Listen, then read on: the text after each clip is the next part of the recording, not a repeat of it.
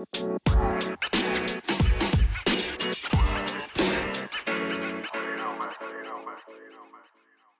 lieve mensen, welkom bij de Back to Blue podcast. De podcast waar we samen terugkeren naar onze blauwdruk, naar de zuiverste en puurste versie van onszelf. De versie die we bedoeld waren om te zijn. Wil je je leven omgooien? Heb je het gevoel dat je een stuk van jezelf kwijt bent? Kom dan met me mee. Terug naar de beste versie van jezelf. Gisteren was het World Mental Health Day en het is spijtig genoeg helemaal aan mij voorbij gegaan. Alhoewel ik het zo een belangrijk onderwerp vind. Geestelijke gezondheid en gezondheid in het algemeen op een holistische manier bekeken, dat is waar ik van aanga. Dat is waar ik voor sta. En ga naar mijn website als je dan nog niet, als je nog niet op de hoogte bent van hetgeen wat ik doe. Uh, maar ik ben heel, heel gelukkig dat ik mensen hiermee kan helpen. Met hun geestelijke gezondheid. En dat ik ook mijn eigen, mezelf kan helpen, uiteraard. Maar ja, gisteren, zondag, turnen, Giro, dwars door Hassel. Mijn madio weekend was druk, druk, druk. Te druk om veel op Instagram te kijken. En anders was het mij zeker niet ontgaan. Maar ja, het is wat het is. En ik wil er wel vandaag dus aandacht aan geven. Ik vind het zo verfrissend, zo motiverend, zo. Ja, het doet mij iets. Als iemand mij vertelt, een vriendin of een familielid of iemand die mij in vertrouwen neemt om te zeggen dat ze mentale problemen kennen, gehad hebben of hebben. Dat ze naar een psycholoog gaan, dat ze medicatie nemen, naar een psychiater gaan, dat ze uh, andere dingen doen. Gewoon, ik ben er ook altijd heel open voor uitgekomen. Ik neem al heel lang medicatie. En ik heb ook verschillende keren proberen te minderen. Maar dan viel ik terug in, in een zwart gat. Dus ik blijf het voorlopig gewoon nemen. Ik wil niet meer experimenteren met het eh, met af te bouwen en zo. Want ja, ik, ik kan mezelf er gewoon niet veroorloven. Omdat ik er alleen voor sta met mijn kinderen om terug te vallen. Maar ik gebruik dus buiten medicatie ook veel supplementen en ook CBD-olie. Ik gebruik alles om mij te helpen en ook om mij gerust te stellen dat mijn depressie en mijn eetstoornis niet opnieuw mijn leven gaan kapotmaken. Ik ben al zo ver gekomen. Ik ben een heel andere persoon ondertussen dan toen ik de medicatie begon te nemen. Weet je, ik had vroeger als tiener al heel veel last van PMS-klachten. Ik kon echt wenen, wenen, wenen. Een hele dag en ik wist niet waarom. En uh, toen was het al begonnen eigenlijk. Natuurlijk heb je dan heel mijn adolescentie, mijn, mijn eetstoornis er nog bij. En dan mijn depressie rond mijn dertigste, denk ik. Uh, dertig, ja, zoiets. En dan tijdens mijn zwangerschap van Marisam ben ik wel gestopt met de medicatie. En dat was, dat was zo'n slecht idee. Dat was echt de donkerste periode uit mijn leven, was die, die zwangerschap. Ja, dat was verschrikkelijk. Ook al was een kind het, hetgene wat ik absoluut het meeste in mijn leven wou, die zwangerschap was echt de diepste put, de diepste bodem van de diepste put die ik ooit heb gezien. Tijdens mijn zwangerschap van Olivia ben ik wel aan mijn medicatie gebleven en samen met een gynaecoloog en met de psychiater is dat overlegd geweest dat het toch beter was om het te blijven nemen. En oké, okay, Olivia is er gelukkig oké uitgekomen. nu, vandaag, al ja, gisteren dus eigenlijk, maar vandaag en ja, elke dag zou ik een paar dingen willen zeggen tegen jullie allemaal. Ten eerste, als je lijdt, vraag dan om hulp. Tweede, je bent absoluut niet alleen. Absoluut niet. Ten derde, het is oké om je niet oké te voelen.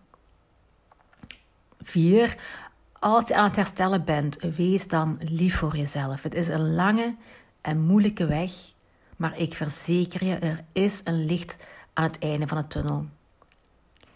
Ten vijfde, als je een overlevende bent van eender welke geestelijke problemen, of je zit zelfs nog in je proces, probeer dan je verhaal te delen. Het zal niet alleen jezelf opluchten, maar je zal het leven van anderen zoveel makkelijker maken met je getuigenis.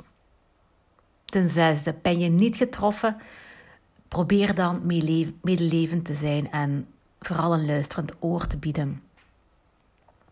7. Mental health is een reëel probleem. En na deze hele coronageschiedenis van de afgelopen jaren is het pertinenter dan ooit. Hulp is dringender nodig en voor een veel groter deel van de bevolking dan ooit tevoren.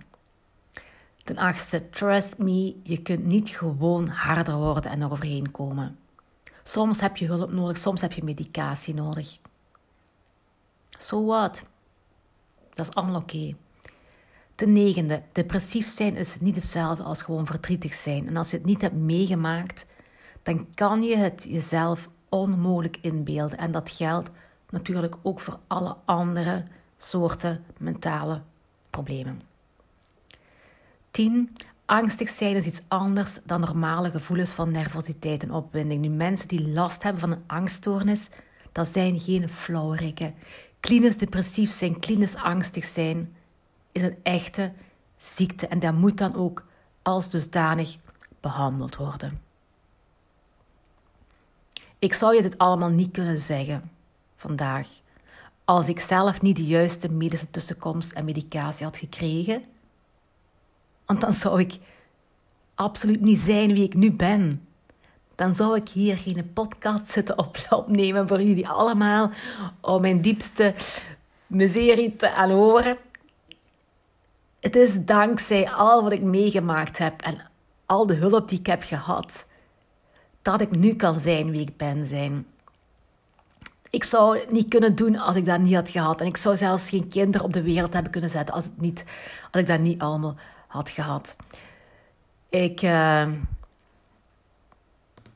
ik wil er nog bij zeggen: je bent niet je mentale gezondheid. Hè? Onthoud dat. Je moet het doorstaan. Maar het is niet wie je bent. Het is wat, iets wat je voelt. En het it doesn't define you, zeggen ze zo in het Engels. Het betekent niet dat jij dat bent. It doesn't define you. Je kan het zelf niet goed in het Nederlands vertalen eigenlijk. Ik wil er gewoon de nadruk op leggen. Met mezelf als voorbeeld. Je kan nog steeds een prachtig leven voor jezelf maken. Ook al heb je jaren verloren. Of zoals ik een heel decennia of langer heb verloren, decennium, sorry, verloren aan een trauma of aan een geestelijke ziekte of misbruik of wat dan ook. Er is een toekomst, jouw verhaal is nog niet af. Uh, dus het is niet het einde, er kan nog zoveel, alles is nog mogelijk om een prachtig leven te, te leiden. En je kunt obstakels overwinnen die je nooit voor mogelijk had gehouden. En doorgaan om je doelen en om succes en om absoluut geluk te bereiken. Groei is niet lineair. Het is een proces van ups en downs. En je mag het vooral niet opgeven. Met de juiste tools, de juiste ondersteuning, kan je belangrijke veranderingen doorvoeren en gezonde coping mechanisms leren. Nu, ik ben, ik ben zo dankbaar voor mindfulness, voor meditatie, voor FKC. Dat zijn allemaal dingen die ik pas heb ontdekt lange tijd na mijn uh, grote dieptes, mijn biggest lows. Um, en ook ben ik dankbaar natuurlijk voor mijn psychiater die mij er toen, toen ik er wel in zat, uh, we praten hier over 15 jaar of zo geleden. Ik ben daar zo dankbaar voor dat het allemaal bestaat. En ook voor mijn mama die er voor mij was, iedereen die er voor mij was, vrienden en, en weet ik wat. Laat mijn getuigenis alstublieft een herinnering zijn voor jullie allemaal om je mentale gezondheid altijd op de eerste plaats te zetten. Je kunt denken aan je gezondheid. Je kunt naar een sportschool gaan, je kunt gaan sporten zoals je wilt, je kan water drinken, vitamines slikken, op je eten letten. Maar als je niet omgaat met de dingen die je in je hart en die in je hoofd gebeuren, dan zul je nog steeds ongezond zijn. Ik heb mezelf vroeger kapot gemaakt, echt kapot gemaakt. En ik deed dat op mijn manier. Maar misschien doe jij ook wel iets. Misschien iets heel anders dan ik, hè? maar evenzeer iets waarmee je je eigen gezondheid om zeep helpt. En nu kan dat een overlevingsmechanisme zijn. Maar door verder te blijven gaan zonder er iets aan te doen, ga je blijven doorgaan tot je niet meer dieper kan vallen. En dat wens ik echt niemand toe. I've been there, I've done that. It's, it's so not pretty. Ik zou het echt niet aanbevelen. Nu, het is vandaag maandag en natuurlijk is het tijd voor de maandag motivatie. Wel, mijn dagje startte niet zo geweldig. Ik heb weer tot kwart na elf in mijn bed gelegen. Shh, tegen iemand zeggen. Ik had nergens zin in. Ik had, ik had echt nodig om mijn hoofd op nul te zetten, op, op ontspanning. Ik heb jommekesboeken gelezen. Dat is mijn nieuwe, mijn nieuwe hobby, is jommekesboeken lezen. Ik heb hier zo'n verzameling van vroeger als ik kind was. Ik vind het heel leuk om dat terug te lezen. Uh, ik ben dan ook in slaap gevallen met een luisterboek van Louise Hay nog. Daarna ben ik dan, ik ben dan ja, laat opgestaan, heel laat opgestaan. Ik heb dan uh, nog wel een consult op mezelf gedaan, omdat ik voelde van het gaat niet. Ik voelde me aan de ene kant schuldig dat ik niet gewerkt had, maar ik voelde me ook zo opgejaagd. En ik had zo dat gevoel van dat je de deur wilt dichthouden, dat je niet wilt nadenken om, dat je niet wil zien wat er in je gedachten zit. Weet je, je blijft zo schoon, de deur blijft maar op slot van je gedachten en je probeert er niet in te gaan. Um, en tijdens mijn wandeling, mijn dagelijkse wandeling, die ik ook doe voor mijn mentale gezondheid, tussen haakjes, besefte ik dat het gewoon de stress is. Hè? Mijn stress om mijn online training te gaan promoten. Elke keer dat ik iets moet gaan verkopen, raak ik helemaal geblokkeerd. Ik ga absoluut aan hè, van mensen helpen. Ik, I love it, hè, mensen te helpen. Ik heb me geweldig gevoeld ook toen ik de cursus aan het maken was. En gewoon het gevoel van kijk, ik ben iets aan het maken. Ik kan hier zoveel mensen bij helpen. Ik heb zoveel om te geven. En ik voelde mezelf toen zo groeien als persoon. Ik dacht, ik het uiteindelijk allemaal wist. Dat ik me nooit meer zo klein en onbeduidend zou voelen. En dan zo snel als ik iets moet gaan promoten, ja, iets moet gaan verkopen, ja, dan blokkeer ik helemaal. Dan voel ik me zo onbetekenend klein Imposter syndrome heet dat. Ja, dat, dat heeft een naam. Ik weet al dat het iets is, uh, dat het bestaat. Um, ja, dat is al een, een goede grote stap hè, om te weten wat er aan de hand is. Um, anyway, wat mij vandaag heel erg motiveerde, is toen ik tijdens mijn wandeling naar Happy Place luisterde van Fern Cotton in een interview met Mel Robbins de grote Fern Cotton met de grote Mel Robbins. Happy Place, dat was gewoon Happy Place. Ik heb het daar al eens over verteld. De Happy Place is een podcast van Fern Cotton. En um, Mel Robbins, daar heb ik ook al eens over verteld. Die, dat is die van de 5 second rule. 5, 4, 3, 2, 1. En doe het dan gewoon. Nu heeft ze een nieuw boek uit en dat boek heet The High Five Habits. En ik ga het daar zeker de volgende dagen over hebben. Want dat interview was meer dan een uur en dat was zo interesting. Oh my god. Maar um, wat, mij, wat ik vandaag vertellen, wil vertellen aan jullie is wat mij motiveerde. En dat is dat die grote Mel Robbins, een van de meest gevraagde sprekers wereldwijd, een best-selling author, die heeft deze high five habits ontdekt toen ze zelf diep zat aan de start van, van heel het COVID-avontuur anderhalf jaar geleden toen is zij ook terug diep gegaan. En zij komt van heel ver. Zij is 13 jaar geleden, was zij volledig, stond haar bankrekening op, ik weet niet hoeveel schulden. En zij zegt echt van, ik heb de eerste 40 jaar van mijn leven absoluut ja, alles kapot gemaakt. En daarna ben ik het pas beginnen op, opbouwen. Uh, dus nu is ze 13 jaar verder en toch is zij terug.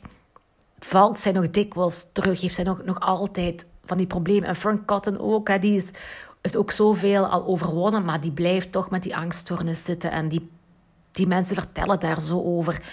En dat motiveerde mij vandaag gewoon. Dat zo iemand, zo iemand groots, toch nog de, de pedalen kan verliezen. En dat doet me daar zo aan denken dat we eigenlijk allemaal, we zijn allemaal maar mensen. Wij zijn mensen van vlees en bloed. Iedereen, wij allemaal. En het is voor iedereen mogelijk om diep te zitten, maar het is ook voor iedereen mogelijk om er weer uit te komen. Kijk gewoon naar iemand die van diep komt. En kijk waar die nu staat. Dat is het meest motiverende dat ik me kan voorstellen. Ik luister naar Frank Cotton, ik luister naar Mel Robbins, naar Kim Munnekum, naar Lisa Nichols. Naar allemaal, hè, Gabby Bernstein. Allemaal personen die ooit diep hebben gezeten. Die echt diep hebben gezeten en eruit geklommen zijn. En nu een voorbeeld zijn voor miljoenen mensen. Zoek jouw eigen hero of heroine. Zoek jouw heldin. Zoek jouw held. Zoek jouw persoon die een verhaal heeft en die een uitkomst heeft en er iets van gemaakt heeft wat jou motiveert elke dag opnieuw door er gewoon eventjes aan te denken. En waar jij je dan kan aan optrekken. Find your hero. Laat dat maar even verteren.